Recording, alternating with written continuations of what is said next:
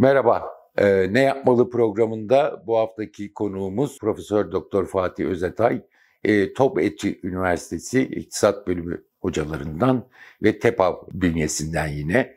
E, Fatih Hocam hoş geldiniz. Merhaba, hoş bulduk Erdal Bey. Ne yapmalı bu programda daha çok mevcut durum saptaması ve ileriye dönük şeyleri yapıyoruz. Şimdi uzun zamandır dünyanın yeniden değişimini konuşuyoruz. Yeni bir eşikte bulunuyor. Küresel ekonomi, işte yeşil e, enerji, e, bütün bunlarla birlikte yeni bir yöne alıyor. Ama biz e, muhtat olduğu vesile hala faiz e, kararlarını konuşuyoruz. E, ve makroekonomik istikrar konusunda sürekli iki ileri bir geri gidiyoruz. Bunun nedeni sizce nedir? Makroekonomik istikrar Türkiye niye sağlayamıyor? Ben bildim bileli hep aynı şeyleri konuşuyoruz yani. gerçekten öyle. Ama temel sorunlar olduğu yerde kaldığı bir ekonomi. Ya herhalde birkaç nedeni var. Birisi e, politik iktisatla ilgili. Seçimler özellikle yaklaşıyor. Yani çok da sık seçim oluyor tabii bu ülkede. Oluyordu. E, o zaman ya şimdi enflasyonla kim e, mücadele edecek? E, duygusu ağır basabiliyor. Büyüme Enflasyonla çıkıyor. mücadele edersek büyüme ne olacak falan. Öyle bir ödünleşim mekanizması olduğu düşünülüyor ki kanımca çoğu zaman doğru değil Türkiye gibi bir ekonomi için. Bir onun etkisi var. Ya burada bir yanlış e, anlama var. İki, bütçe açıkları, işte harcamalar, piyasada yaprak kımıldasın, kötü mü olur? E, bütçe harcamalarını işte Merkez Bankası kaynaklarıyla finanse edelim. 2000'lerin, 2001 öncesi. Onlar var. Bunlar hep tabii sonuçta karşımıza yüksek enflasyon, düşmeyen e, işsizlik, belli bir düzeyde bütçe açığı, dengesiz bir ekonomi olarak e, çıkıyor. E, büyüme oranı dalgalı oluyor ama ortalamasını alırsanız işte 4,5-5 civarında büyümüş oluyoruz son 50 yılın ortalamasına bakarsanız. Ama bakıyorsunuz bir yıl %9 büyüyoruz, bir yıl küçülüyoruz. Böyle bir ekonomi ama temel sorunlar olduğu yerde duruyor. Hani ne e, temel sorun daha şöyle çıkıp yukarıdan baksak. Dünya Bankası ülkeleri dört gruba ayırıyor. E, birincilikte yüksek gelirli ülkeler var. İkincilikte orta gelir grubu var. Bunların yüksek olanı var. Yüksek orta gelir. Üçte düşük orta gelir. Dörtte de en son kümede de düşük gelirli ülkeler var. Türkiye ikincilikte bir türlü ikincilikten e, birinci lige e, çıkamıyor.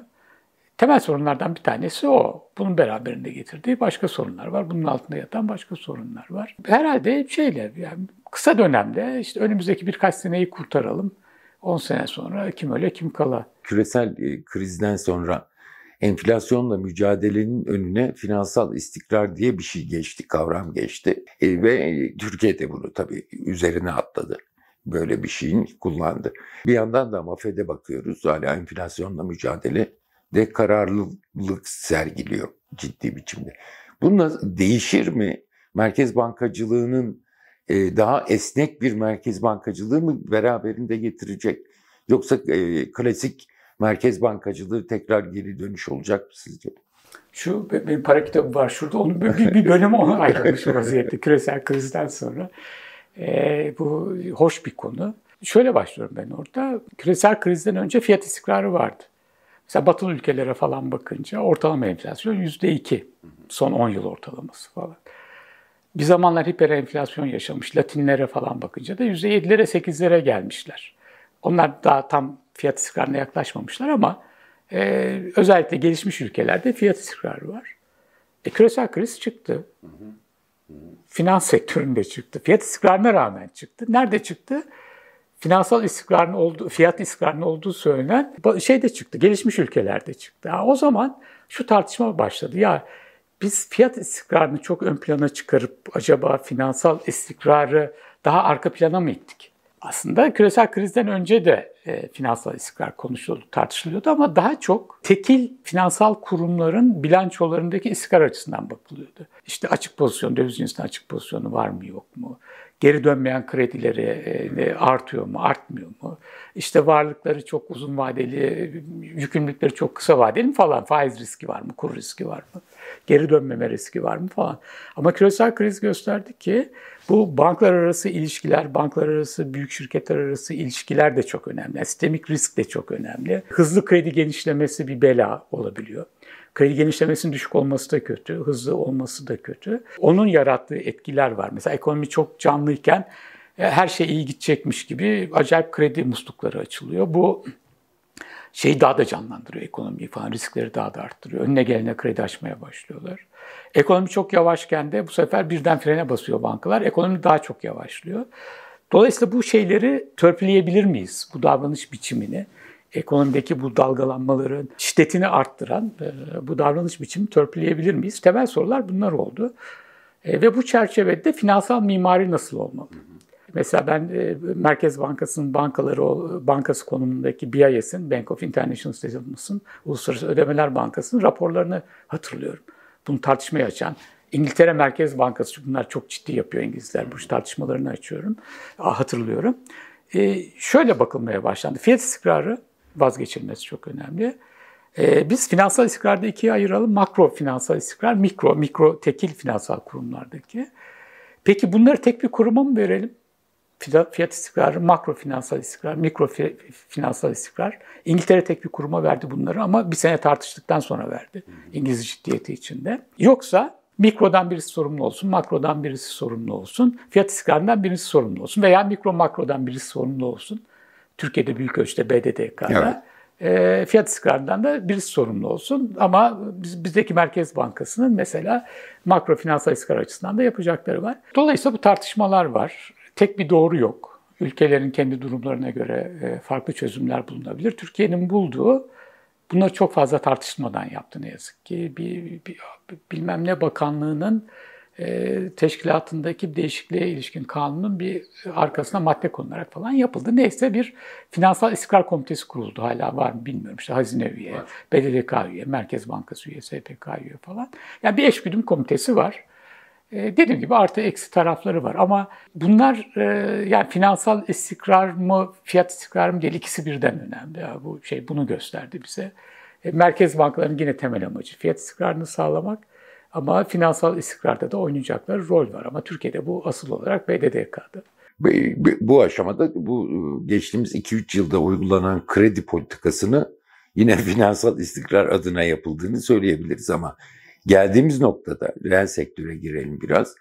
E, sanki enflasyon yükselirken enflasyonun çok altında ve bol kredi biraz reel sektörü özellikle küçük orta boy ölçekleri biraz afyon gibi buna alıştırmadı bu. Bunun zararlarını görmeye başlıyorlar mı sizce? Başlıyorlar. Türkiye'de zaten bu e, son iki buçuk senede 2021 sonundan sonra finansal istikrar adına yapılanlar e, finansal istikrar değil, finansal istikrar bozucu şeyler. Liralaşma adına yapılan yani, şeyler. Lira dolarlaşma. ee, yani kavramların içi boşaldı. Ya şey hatırlıyorum ben İstanbul Sanayi Odası'ndaydı değil mi? 2021 aralığındaki bir toplantıda ya krediye erişemiyoruz. Evet. Ee, o zamanın Yine aynı şeyler var zaten. Var. Ee, yani ama şöyle bakınca hani enflasyon 60-70 olmuş. E, %20 faize, %25 faize kredi var. E, bedava. Evet. E, bedava değil, şey, yani eksi faizle alıyorsun. Sattığınız ürünün fiyatı %80 artıyor. Ama e, şeyi o ürünü üretmek için işletme sermayesi kullanmak için ya da işte makinesini satın almak için kredi alıyorsunuz. Ona sadece %20 ödüyorsunuz. Bu bu ne ala bir dünya. Şey, dolayısıyla e, kredi alamayan bile ihtiyaç olmasa bile ben niye alamıyorum? Değil mi? Kaçan büyük bir fırsat varmış. Alıp gibi. da araba alayım. Evet yani. falan yani. Onun için de bir dolu düzenleme geldi. Allah'ın dövize gitmesin bilmem ne yapmasın falan diye. Ya böyle ucuz çözümler yok aslında iktisatta. İşte bir yeri bozduğunuz zaman bir dolu şey zincirleme bozuluyor. O zaman da böyle komik şikayetler çıkıyor. Ya krediye erişemiyoruz. E, ama zaten bir garip çok düşük faizli falan. Öbür tarafta e, askeri ücretlinin durumu ortada falan. Böyle garip bir dünya ortaya çıkıyor. Büyük bir gelir aktarımı oluyor. E, şimdi gelinen noktada faizler yükselmeye başladı. E, işte KKM'den dönüşe yüzde 45 falan gibi oranlar. Ve kredi faizleri de yansımaya başladı bütün bunlar. Şimdi ne yapacaklar? Yine devlet, Merkez Bankası, Hazine, KGP falan gibi şeylerle mi gidilecek yoksa ne tahmin ediyorsunuz siz? Ekonomi programına bağlı yani biz düzgün bir ekonomi programı istiyorsak gerçek gerçekten e, enflasyonu yaratan nedenlerle mücadele etmek istiyorsak yine yan yollara sapmamak gerekiyor. Benim gördüğüm şu, e, politika faizi üzerine herkesin bildiği bir kırmızı ışık var. Bu kırmızı ışığın işte en fazla %25 falan da yandığı düşünülüyordu. Merkez Bankası'nın kadroların değişmesi olumlu oldu. E, son faiz kararı beklenenin ötesinde olumlu oldu. Enflasyon tahminini e, daha kabul edilebilir bir düzeye getirdi. O da itibar kazandırıcı oldu. Bunlar olumlu adımlar. Ama öte yandan bakıldığında geç kalındı. Değil mi? Faiz kararı işte Ağustos kaç? 23 Ağustos, 24 Ağustos o toplantıda alındı. Esas sürpriz olan. Bir Haziran'da e, ki e, seçimden hemen sonra para politikası kurulunun normal zamanı beklenmeden olağanüstü bir toplantı yapılabilirdi. E, tabii ekonomi programında demin konuştuğumuz ayrıntılı ekonomi programında olması şartıyla e, faiz artışı e, o zaman yapılabilirdi. Kur bu kadar artmazdı falan. Geçti. Geldiğimiz noktada evet para politikası açısından bakılınca e, biraz doğru işler yapılıyor gibi ama sonuçta e, Merkez Bankası'nın 2024 sonu için tahmin ettiği enflasyon 33. E şimdi enflasyondaki son gelişmelerle birlikte belki bir 33 değil belki 35-36 olacak diyelim. E, bu 15 ay sonrası. E, Mayıs 2024 Haziran içinde işte %65-70 gibi tahminler var. Merkez Bankası'nın Zirve noktası şey olacak diyor. Yani böyle bakınca %25 e, politika faizi çok düşük kalıyor. E, hani 15 ay sonrasını düşünseniz demek ki en az bir 35 olması lazım. E, o zaman da e, Eylül-Ekim toplantısı önemli oluyor. E, acaba Eylül'de bir 35'e çıkarabilecek mi? Hani 10 puan birden yapacak mı? Ya da 30 yapıp Ekim'de 35 yapacak mı? Ama kademeli yapışında bu sakıncası var. Şey durmuyor orada maliyetler. o zaman da enflasyon daha da artıyor. Bu sefer yapmanız gereken faiz artabiliyor. Yani para politikası açısından test bitmiyor. İş bitmiş değil. Ee, acaba hmm, kırmızı ışık devam ediyor mu? 25 midir? Eğer hiçbir şey olmayacaksa mesela Eylül'de bu geri teper. Kur açısından sevimsiz olur, enflasyon açısından da sevimsiz olur. E, 30'a arttırıp bırakırsa o da iyi olmaz. Ama 30'a arttırırsa arkasında geleceği e, imajını verirse e, biraz daha olumlu hava yaratır. Yani seçimlere kadar düşe kalka gidebiliriz ama bu enflasyonla tam mücadele mi? Değil. E, temel nedenle işte kırmızı ışık olunca böyle kademeli kararlar alınıyor. Yan yollardan e, kredi maliyetlerini arttırıcı e, düzenlemeler yapılıyor. Çünkü politika faizinin önemi nerede? Kredi faizine yansımasında, kura yansımasında, mevduat faizine yansımasında. E, politika faizini fazla arttıramıyorsak acaba başka yollarla kredi faizini enflasyonla mücadele edilmesi açısından arttırabilir miyiz? Arttırabiliyorlar. Ama o zaman dönüp mevduat faizi artmıyorsa bu sefer e, yerleşiklerin dolara olan talebi azalmıyor. O zaman mevduat faizinin de artması lazım. Ama işte son 2-3 hafta artmıyor. öncesine kadar artmamasını anlaşılmaz evet. bir şekilde Merkez Bankası överek söylüyordu. Büyük hataydı. Şimdi ondan dönüldü. Enflasyona uygun bir şekilde mevduat faizinin, politika faizinin ve kredi faizinin oluşması. Sonra bunların hepsinin birlikte düşmesi hem yüksek faizden hem yüksek enflasyondan Kurtulma kurtulmamız. Var. Ama enflasyon yüksek kaldığı sürece e, yüksek faizden kurtulmak mümkün değil. Siz bir taraftan sıksanız öbür taraftan. Yurt dışından borçlanma faiziniz tefeci faiz oluyor. Ne oldu? Yurt içinde faizler iş adamları, iş pardon iş insanları şikayet ederken krediye erişemiyoruz e, bu diye. Bu çünkü faiz çok düşük. Öbür taraftan Türkiye %10 dolar faiziyle yurt dışından borçlanıyordu. Tefeci faiziyle. Yani komik şeyler. E, Denge bir kere şaştı mı değil mi? Evet bir kere şaştım. Bir de onu e, düzeltmeyip e, o şaşmış dengeye göre kararlar alınca iyice ne şey oluyor. Hani hep şu benzetmeyi yapıyoruz şeylerde AVM'lerde falan çocukları götürdüğünüz şeyler oluyor küçük Luna Park benzeri şeyler. Orada hani şeyler çıkar böyle kuklalar, çocuk vurur kafasına bir tanesine. Üç tane daha çıkar, üçüne vurmaya kalkar falan. İşte bir, bir sorun kafasına indiriyorsunuz, beş sorun çıkıyor. İndirdiğinizi sanıyorsunuz. Bir şey indirmiyorsunuz aslında. Ya o şey olmuyor, böyle şaka olmuyor.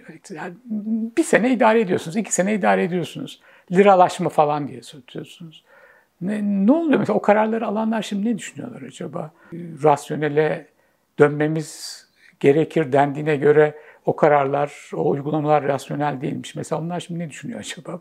Çok merak ediyorum. Bunun da ötesinde e, yeni e, ekonomi yönetimi çok büyük övgüler düzülüyor. Ama e, sanki bütün iş olmuş gibi. Ama aynı iktidar döneminde aynı kişi tarafından belirleyici olduğu kararlar alındı geçmişte de. Şimdi de ters alınıyor. Üstüne üstlük dediğiniz gibi yeni yönetimde hatalar yaptı. Evet. Bunu bir şekilde itiraf etmek zorunda. Yani bir e, çok mu teşne piyasalar, iktisatçılar yeni ekonomi yönetimine övgüler düzmeye çok mu hasret kaldılar? O yüzden nedir? Teşneler herhalde. Hasret kaldılar. Bir kısmının pozisyonu falan var herhalde ne bileyim ben. Ona uygun konuşuyorlar. İnsanlar biraz olumlu şeyler olsun istiyorlar. Olumlu bir şeyler görmek istiyorlar. Hani işte son filenin sultanlarının başarısı e, nasıl milleti ayağa kaldırdı falan. Yani güzel bir şeylerde birleşelim. Hani bu ülke hepimizin falan diye. İşte Merkez Bankası'na iki güzel atama olunca herkes alkışlıyor. E, çünkü ne, neyse geçmiş konuşmayalım. ya da işte bir tane düzgün bir karar gecikmeli de olsa, yetersiz de olsa al, alınırsa ha nihayet doğru yola gidiyoruz deniyor. Acaba kırmızı ışık kalktım deniyor falan. Ya iyi bir şeyler arıyoruz son, e, sonuçta. Hayatımızda görüyoruz çünkü ya. Aynen. Acayip bu ya nasıl fiyatlar ne kadar hızlı değişiyor değil mi? Bizler şikayet ediyoruz. Asgari ücretli işsiz falan ne yapıyor acaba? Aynen öyle. Çok zordur. Şimdi e, gelinen noktada e, iktisatçılarla ilgili bir de şey var tabii. Yani aynı kapsamda. Çok e, özellikle 3-4 yıldır büyük bir gelir transferi var ve yoksullaşma çok arttı. İktisatın ana odağı da insandır, gelir dağılımıdır. Dediğim gibi hep mevcut iktidarın politikalarıyla olan şeyler bunlar. Ve iktisatçılar artık bundan, bunlardan çok e, söz etmiyorlar mı? Size de öyle geliyor mu? Yani bu gelir dağılımı, işte e, yoksullaşma bu, bu çok daha büyük bir şey haline gelmeyecek mi? Sorun haline gelmeyecek yani Çok daha büyük bir sorun. Aslında tartışması gereken büyük verimlilik sorunu var buna bağlı olarak falan. Ama o kadar e, ilkel e, sorunlarla boğuşuyor ki Türkiye işte. Hani programın başında, yayının başında konuştuğumuz yüksek enflasyon, makroekonomik istikrarsızlık falan ortalık benim gibi işte parasal iktisatçılara, makro iktisatçılara falan kalıyor. Enflasyon, faiz, bildiğimiz alanlarda konuşuyoruz. Ama esas dertler öbür tarafta tabii. Gelir dağılımının bozulması, yoksulluğun artması. Mesela Türk iş rakamlarına bakalım. Dört kişilik bir ailenin açlık sınırının altına düşmüş vaziyette şu andaki asgari Aynen ücret. Evet. Yoksulluk sınırının ise iki kişi, karı koca çalışsa ailede, dört kişilik ailede, yoksulluk, yoksulluk sınırının çok altında. Şimdi o çocuklar da diğer çocuklarla rekabet edecek, okullara gidecekler, beslenmeleri falan var. Böyle bir sorun var. Durum buyken, yani bu o açıdan gelir dağılımı bozuluyorken ha bir de şunu da eklemek lazım. Asgari ücret deyip geçmemek gerekiyor. Hani Türkiye'de e, çalışanların yarısından fazlası asgari ücret alıyor. Onun altında alanlar da var. E, sigortasız falan çalışan emekliler var. var falan. Yani çok geniş bir halk kesimi demek ki e, yoksulluk sınırının altında yaşıyor. Açlık sınırının altında yaşayan da çok. Şimdi böyle bir gerçek var. Acı bir gerçek. Öbür tarafta da bu asgari ücretten şikayet eden, e, ihracat yapamıyoruz diye şikayet eden ihracatçılar var. Ya nereden geliyor? Hani o da diyelim ki hadi kar marjını biraz düşür, ihracat yap falan diye. E değil çünkü verimli çalışmıyor. Aynen öyle. E, demek ki biz e, mutsuz, geniş bir halk kesimi yaratıyoruz. Bunlar yoksulluk sınırının, açlık sınırının altında gelir elde ediyorlar. Üstelik de haftalık çalışma saatleri de çok fazla gelişmiş ülkelerle karşılaştırıldığında hem haftalık çalışma saati açısından hem de gelir açısından önemli mutsuzluk yaratıyoruz. Bu mutsuzluğu çözecek bir sanayi yapımız yok. Yani aslında mesela benim alanım dışında bunlar ama esas tartışılması gereken bu. E bu son zamanlarda çok tartışılıyor. Mesela Dani Rodrin falan e, evet. blog sayfasında yazıları falan var. E şimdi bakınca ama verimlilik deyince de haksızlık etmemek lazım. İşte savunma sanayinde neler yapıyor Türkiye değil mi? Müthiş e, insansız uçaklar bilmem ne dronlar falan. E, yüksek teknolojiyle çalışan, acayip katma değerli çalışan koskoca bir sanayi var. İhracat falan yapıyor bayağı. E, şimdi bu aynı ülke ama bu ülkede aynı ülkede asgari ücretin yoksulluk sınırının altındaki asgari ücretten de şikayet eden ihracat yapamacı işveren var. Çünkü e, o zaman ne yapacağız? Temel sorun burada. Yani hem bu ücreti falan nasıl arttırabileceğiz, insanları daha mutlu edeceğiz hem de e, bunları şikayet etmeyecek hale nasıl getirebileceğiz? Ha, bu genel bunun alanı sanayi iktisatı. sanayi iktisatı deyince şey değil, sanayi alanında devletin yapacakları değil, geniş bütün ekonomide verimliliği arttırabilecek, e, daha iyi iş yaratabilecek, e, nasıl katkıda bulunabilir devlet, devlet politikalarıyla? Bu faizle, kurla falan olacak iş değil. Değil. Planlama gerekiyor. Evet. Ya bunlar üzerine düşünmek gerekiyor. Bunlar üzerine düşünen iktisatçılar var. Türkiye'de, yurt dışında da var. Ama bizlerden onlara fırsat kalmıyor. Biz faiz kur konuşuyor. Konuşmak zorundayız çünkü yani enflasyon çıkmış yüzde seksene. E bunu düşürmeden de bir şey olmuyor. Yani olmazsa olmaz koşul bu para politikasının düzgün olması ama yeterli değil. Verimliliği arttırmıyor. Yani bu bana aslında çok acıklı geliyor. Hani şeyden o asgari ücretten şikayet edilirken e, asgari ücret alanın açlık sınırının altında yaşıyor olması. Ya bu nasıl bir ülkede bu? Biz işte e, birinci lige çıkmak istiyoruz. Beceremiyoruz. Bu nedenlerle beceremiyoruz. Esas temel çözmemiz gereken işler bunlar ama işte bütün 80'ler, 90'lar, 2000'lerin 4-5 yılı hariç hemen hemen hepsi böyle. Böyle geçti. Gelemiyoruz temel yerlere. Aynen öyle. Ee, son bir soru. Bu şirketler konusuna girmiştik biraz. İstanbul yaklaşımı oldu. Onun detayını sormayacağım size 2000'li yıllarda. Ama e, orada da bir belirli bir e, başarı sağlandı gibi. E, ama orada küresel fon akışları çok fazlaydı. Yani küresel e, finans kesimi hem Türkiye'ye bir hikayesi vardı hem de likitte boldu küresel anlamda ve çok fazla e, kaynak girdi. Şimdi öyle bir şey görünüyor mu? Önümüzdeki dönemde de yine bu tür e, şeylerle çünkü bu zombi şirketler konusu e, yani adı kötü olabilir ama bir sürü aslen e, batık olan şirketlerin yüzdürüldüğü konusu önümüzdeki dönem bu politikaların sonucunda daha çok gündeme gelecek gibi geliyor bana. Evet doğru. 2000'lerin sonunda bir İstanbul yaklaşım yani, varlık alıp şirketleri vesaire. Evet. Bol likitte vardı ama mesela 2004'te yoktu falan. Ama Türkiye'nin de hikayesi vardı öyle bir durum. Şimdi adı zombi zaten. Yani zombi ise zaten suni yaşayıp yaşamadığı da belli değil. Hani bir bakış şu olabilir yaratıcı yıkım çerçevesinde batar. Hı hı. Onunla rekabet eden onun yerini alır. Daha verimli çalışan falan. O büyür. Aslında orta vade açısından bakarsanız daha verimli çalışan, işte sigortasını ödeyen, ne bileyim ben, e, kayıtlı çalışan, daha verimli çalışan, daha fazla ücret ödeyen işçisine ayakta kalır. Türkiye ekonomisi açısından iyi olur. Ama kısa vade açısından bakarsanız da e, o sektörlerde de bir dolu istihdam var. Siyasi yapılabilirlik açısından bakarsanız da çok zor. siyaseten çok zor. Zaten e, zombi şirketleri bir tarafa bıraksak bile hani zombi olmasa da kayıt dışında bir dolu şirketin üzerine gidilememesinin bir nedeni de bu. Aslında kayıt dışına gidebilseniz, üzerine gidebilseniz iki şey başarmış oluyorsunuz. Bir, vergi tabanını genişletiyorsunuz tasarruf, vergi kamu tasarruflarını arttırabiliyor. Cari işlemler açığını azaltıcı bir şey. Bütçe açığını azaltıcı bir şey. Daha fazla harcama yapabilirsiniz. Mesela o sanayi politikalarını daha cömert uygulayabilirsiniz. işsizlik yardımlarını falan. İkincisi de verimliliği arttırıcı bir şey. Çünkü o e, kayıt dışında kalarak ancak rekabet edebiliyor. Kayıt içinde aynı alanda çalışan bir şirketle. Bu bunun kapasitesi, verimli çalışan kapasitesi birken bir buçuğa evet. çıkabilir. Ama bu da siyaseten çok zor bir şey. Ama yani yapılması temelde, da gereken bir iş ama artık. yapılması da gereken bir iş. Ya zombi diyoruz çünkü. E, suni teneffüsle ayakta kalıyor. O zaman iş yine geliyor sanayi politikasına dönüyor, devlete dönüyor.